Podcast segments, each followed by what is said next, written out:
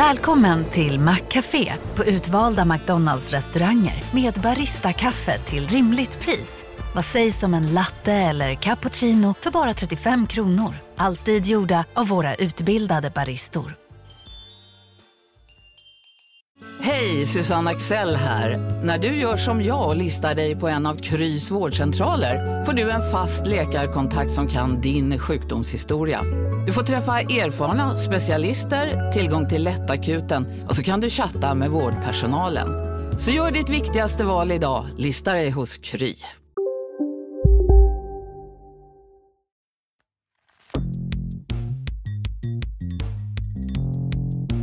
Från Monopol Media, det här är Kapitalet. Jag heter Gunnar Harjus. Jag heter Jakob Bursell. Och idag något eh, lite annorlunda.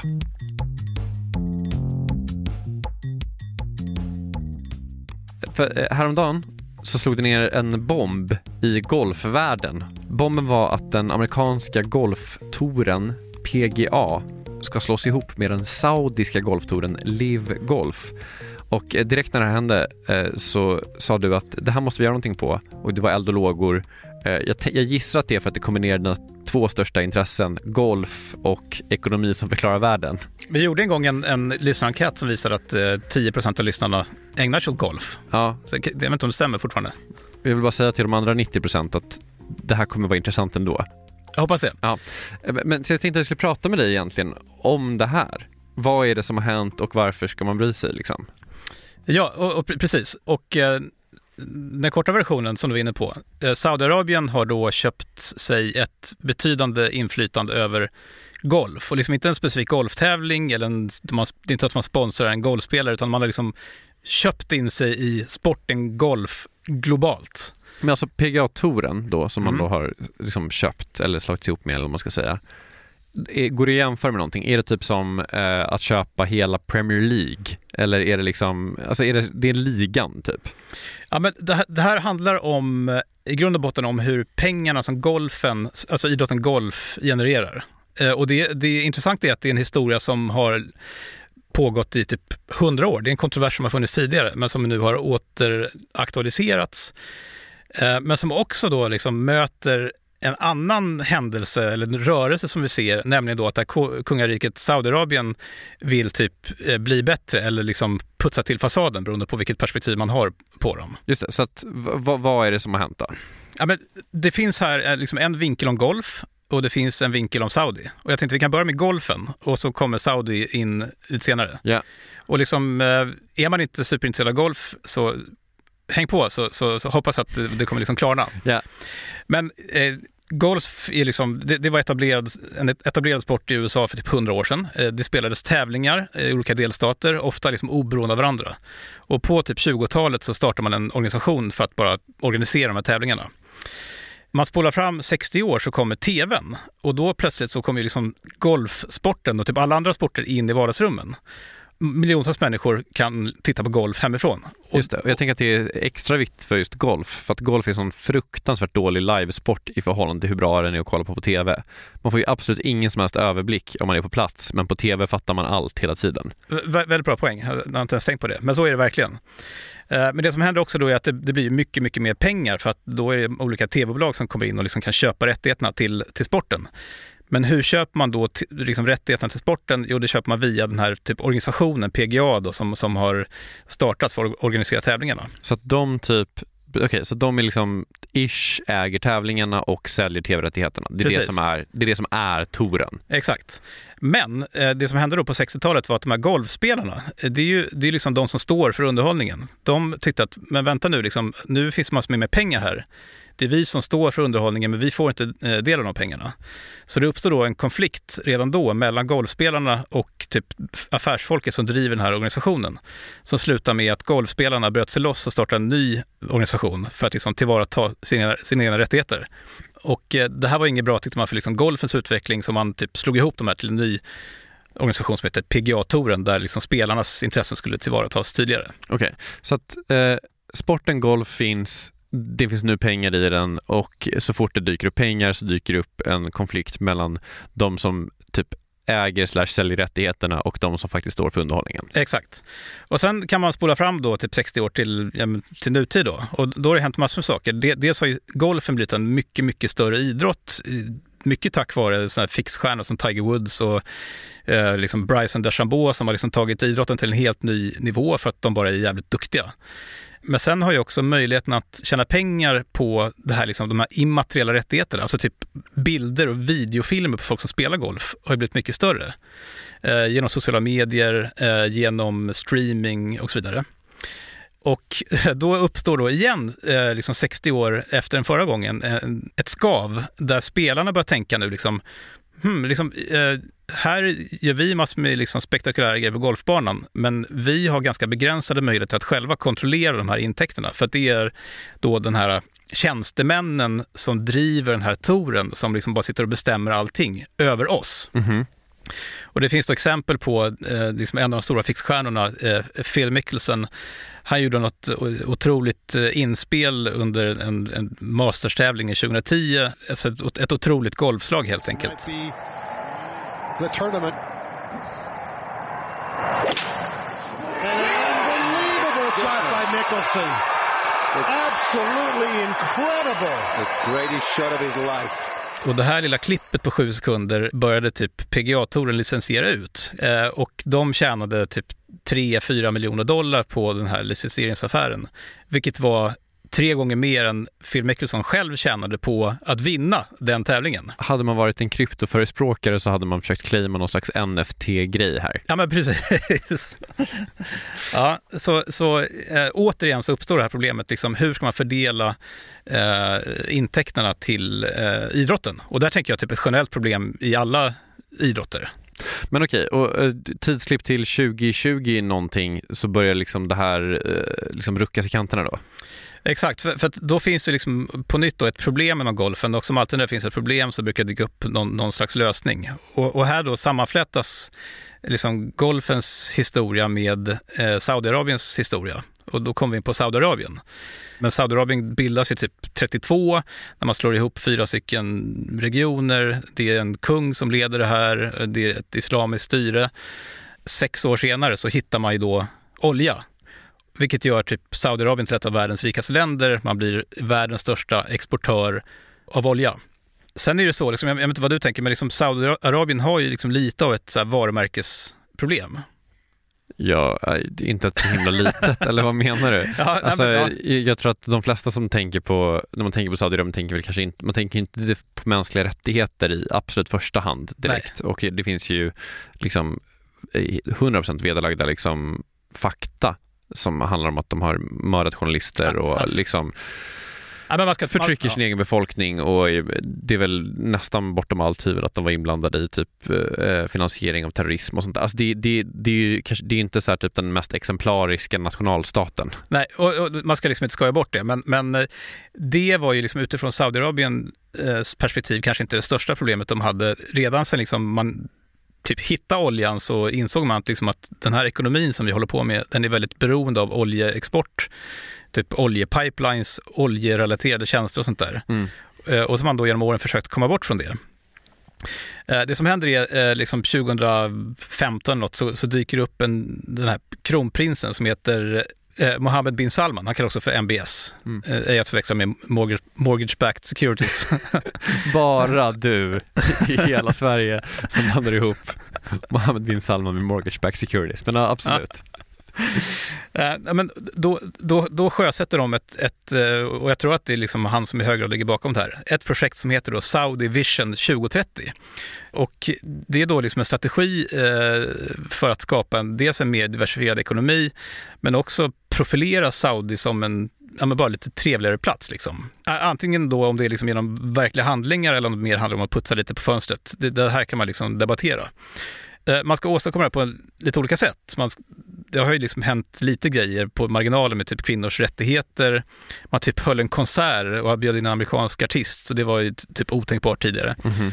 Man har dragit ihop en enorm turistsatsning tillsammans med Richard Branson som man sen drog sig ur för att de mördade den här journalisten eh, Jamal, Jamal Khashoggi, heter ja. han väl och så typ bygger de helt nya städer och de ska vara hållbara och så vidare. Och så vidare. Men fråga, är det här då, du var inne på liksom, okej okay, att det är det putsa fasad eller inte, men, men typ rent ekonomiskt, är det så att man ser typ så, turismen är det som i framtiden kommer ersätta oljan som främsta intäktskälla, eller är det typ så här, vi ska putsa upp vårt rykte för att kunna sälja mer olja längre? Det är en väldigt bra fråga. Men, men, kommunikationen från dem är ju att det här är ett sätt att diversifiera vår ekonomi. Och det ska vara mer turism, eh, men det ska, också, det ska vara också investeringar i andra. De har, den här, de har en enorm statlig investeringsfond, PIF heter den, mm. som har 600 miljarder dollar under förvaltningen och sånt där. De har investerat i Softbank, det japanska investerings, liksom investmentbolaget eh, Uber, Boeing, Citigroup, eh, Credit Suisse, eh, inte lika framgångsrikt nyligen. Så, men uttalat eh, i alla fall så handlar det om att eh, bland annat låta turism ersätta som en delinkomst i alla fall. Ja, men precis. Eh, men, men, det handlar också och då om underhållning. Och det är här då vi kommer tillbaka till, till det här med golfen.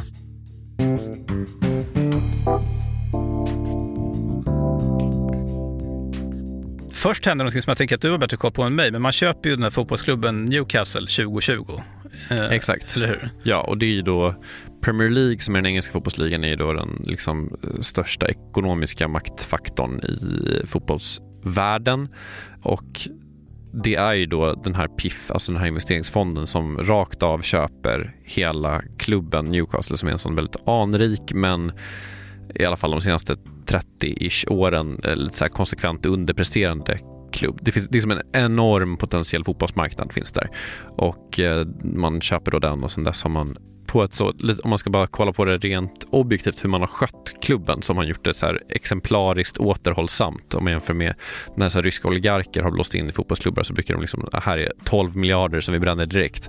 Men, men, men ja. Saudien har varit väldigt så här Alexander Isak, den svenska stjärnanfallaren, är liksom deras dyraste nyförvärv och han är liksom, med, med fotbollsmått mätt inte ens så dyr. Typ. Man har skyndat långsamt och så gått bra. Och då, då här är väl då liksom ett klassiskt sätt att liksom få ja, skapa lite nya liksom relationer och, och liksom putsa på sitt ja, men, sitt varumärke helt enkelt. Precis, och jag, tänk, jag tycker att det är så lite dubbelt, hela den sportswashing-grejen. Jag tycker att det är lite dubbelt, för typ å ena sidan så finns det ju liksom sådana bilder på när folk är uppklädda till shejker på läktarna i Newcastle och typ mm. hyllar Saudi för det de har gjort med deras klubb.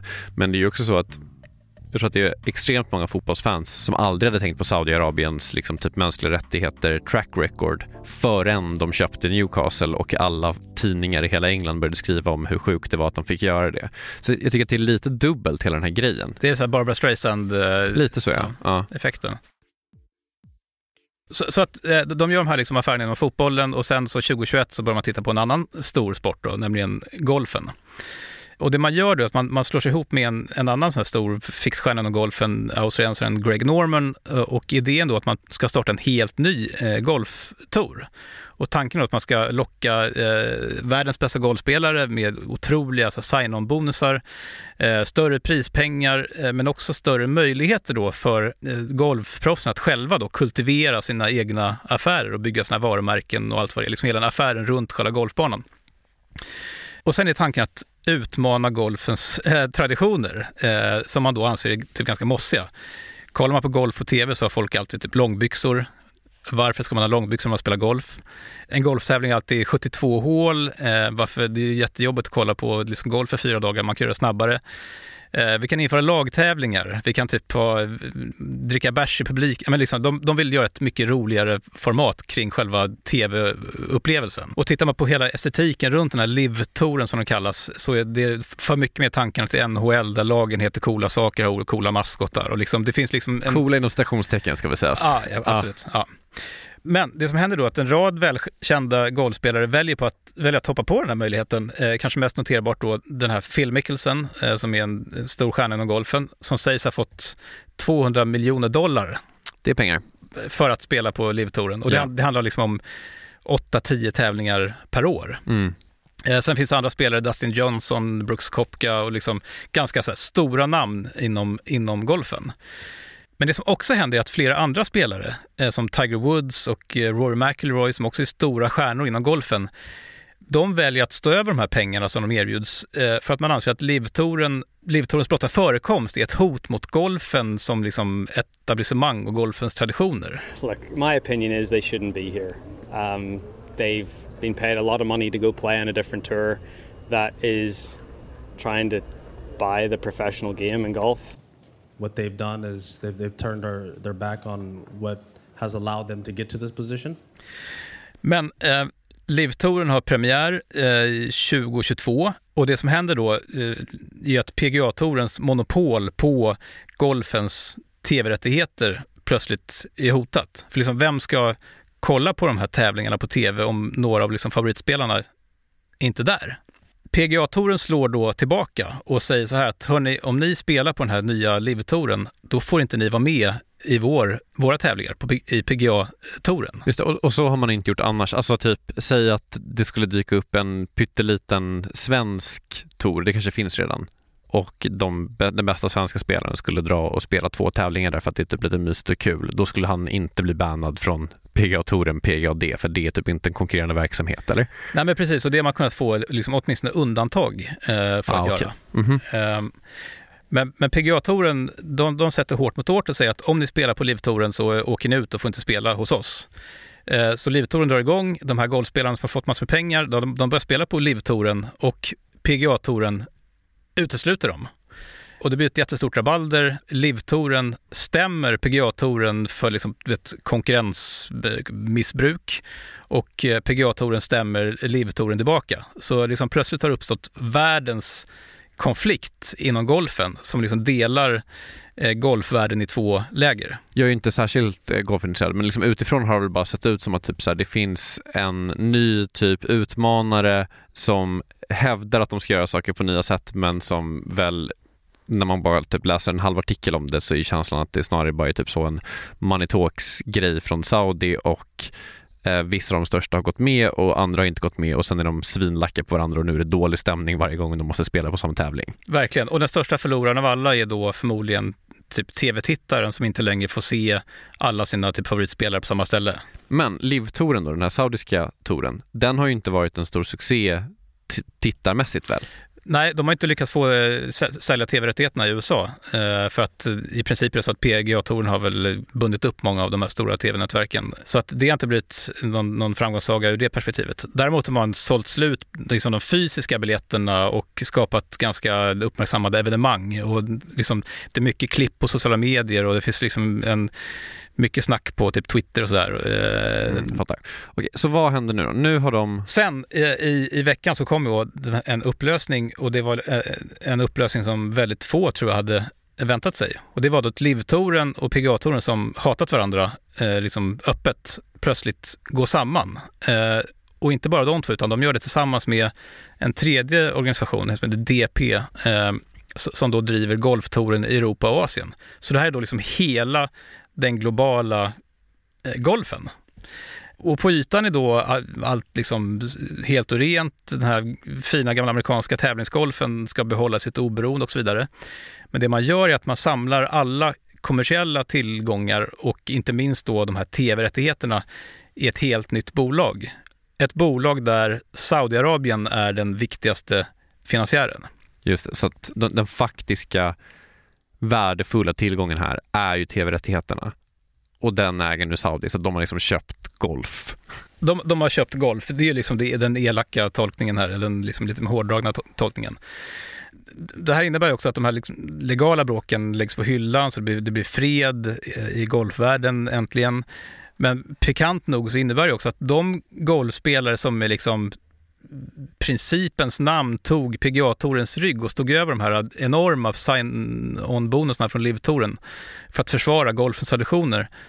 De får liksom stå kvar med lång näsa medan de här spelarna som fick miljarder för att spela på LIV-touren nu släpps tillbaka in i värmen. Mm, just det, så Tiger Woods fick inte sina miljarder men nu spelar han på samma tour som Phil Mickelson som fick miljarderna, fick lite skit i några år och nu är han tillbaka. Exakt, så, och, och liksom de, de här killarna är ju inte synd om Nej, eh, på något det kan man inte säga. Nej, de, de, har pengar så det räcker eh, och blir över. Men det, det finns ju en moralisk aspekt här som är svår att bortse ifrån. Som är väldigt, liksom, ja, men det är många som tycker att den är väldigt svårsmält helt enkelt. Och sen är det ju så då att eh, det här nya bolaget eh, som ska förvalta golfens eh, immateriella rättigheter och hela affären runt golf kommer få en ny ordförande. Och den ordföranden heter då Yassir Al-Romayan. Eh, han är ordförande i Newcastle, han är ordförande i det statliga eh, oljebolaget Saudi Aramco, han är VD för hela den här investeringsfonden och också en av, av prins Bim Salmans MBS eh, närmaste män. Mm. Och det tyder ju någonstans på att eh, även om eh, golfen ska, den amerikanska golfen åtminstone ska behålla sitt oberoende i någon mening så är det ju Saudiarabien som, som har kopplat greppet om golfsporten.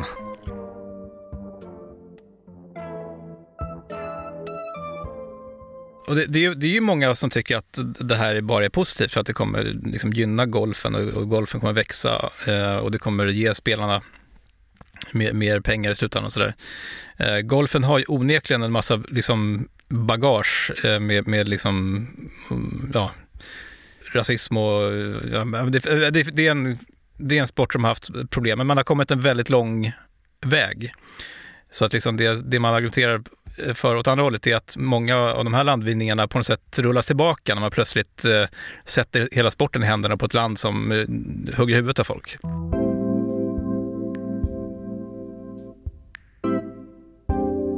Jakob, du har fått prata om golf i kapitalet. Ja.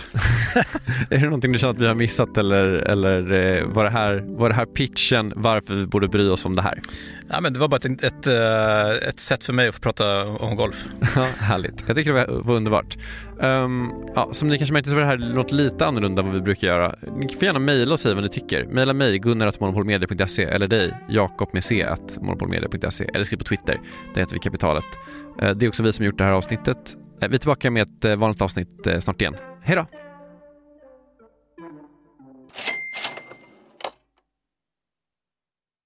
Kapitalet sponsras av SPP och Storebrand Asset Management. Storebrand och SPP hör ju ihop sedan många år och utan att gå in på några detaljer här och nu så kan vi i alla fall säga att Storebrand förvaltar över 1200 miljarder kronor bland annat åt just SPP. Och du har ju träffat Storebrand, Jakob, och pratat om eh, Kina. Ja, eh, vi, pratar i alla fall om hur Kina blivit en sån otroligt viktig del i omställningen av energisystemet. Eh, över 70 procent av värdekedjorna inom vind och solkraft kontrolleras av Kina, vilket är s- otroligt när man tänker på det. Ja. Och Det handlar om att Kina väldigt tidigt insåg att energi är makt och att man genom sol och vindkraft kan göra sig typ fri från att importera olja och gas och sånt. then if you think that tomorrow or today's you know power base is going to in a large part be about renewables then obviously having a stranglehold on those renewables and all the technologies that go into it is going to be part and parcel of that power play Eh, Det här är då Philip Ripman som ansvarar för Storbrand Global Solutions, eh, en fond som investerar i eh, lösningsbolag över hela världen. Mm. Och hela det här avsnittet om Kina och geopolitiken som nu liksom är invävd i den globala omställningen, eh, den släpper vi som en bonus i- här i kapitalet nu i veckan.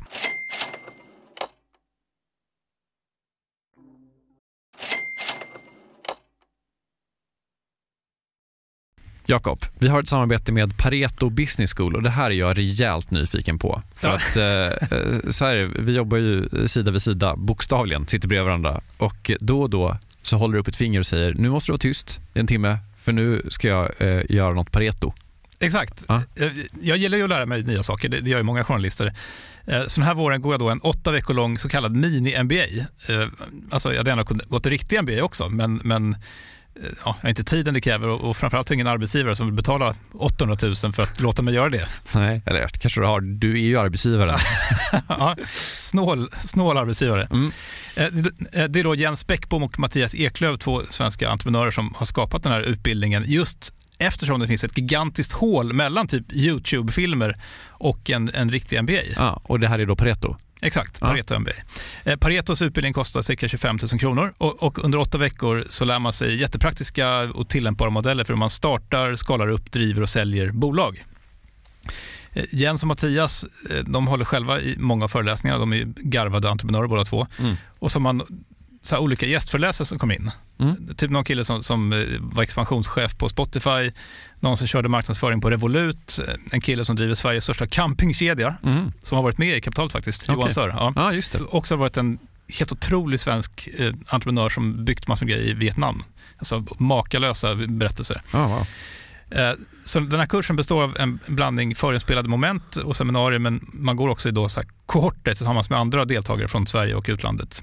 Jättenyttigt, eh, tidseffektivt och funkar jättebra för, för den som vill driva egen verksamhet som, som typ vi gör här, eller om man typ driver projekt och affärer i större bolag. Wow. Om man är taggad på att eh, bli en del av den här, liksom, vad ska man säga, Jakob skolan om man vill bli som dig, lära sig lika mycket som, som du har lärt dig, vad, Ja. vad gör man då? Eh, Nästa kursstart är 5 april, så vill man ta ett kliv framåt i sin utveckling eller karriären eller så, gå då till arbetsgivaren och kolla om du inte kan gå den här utbildningen.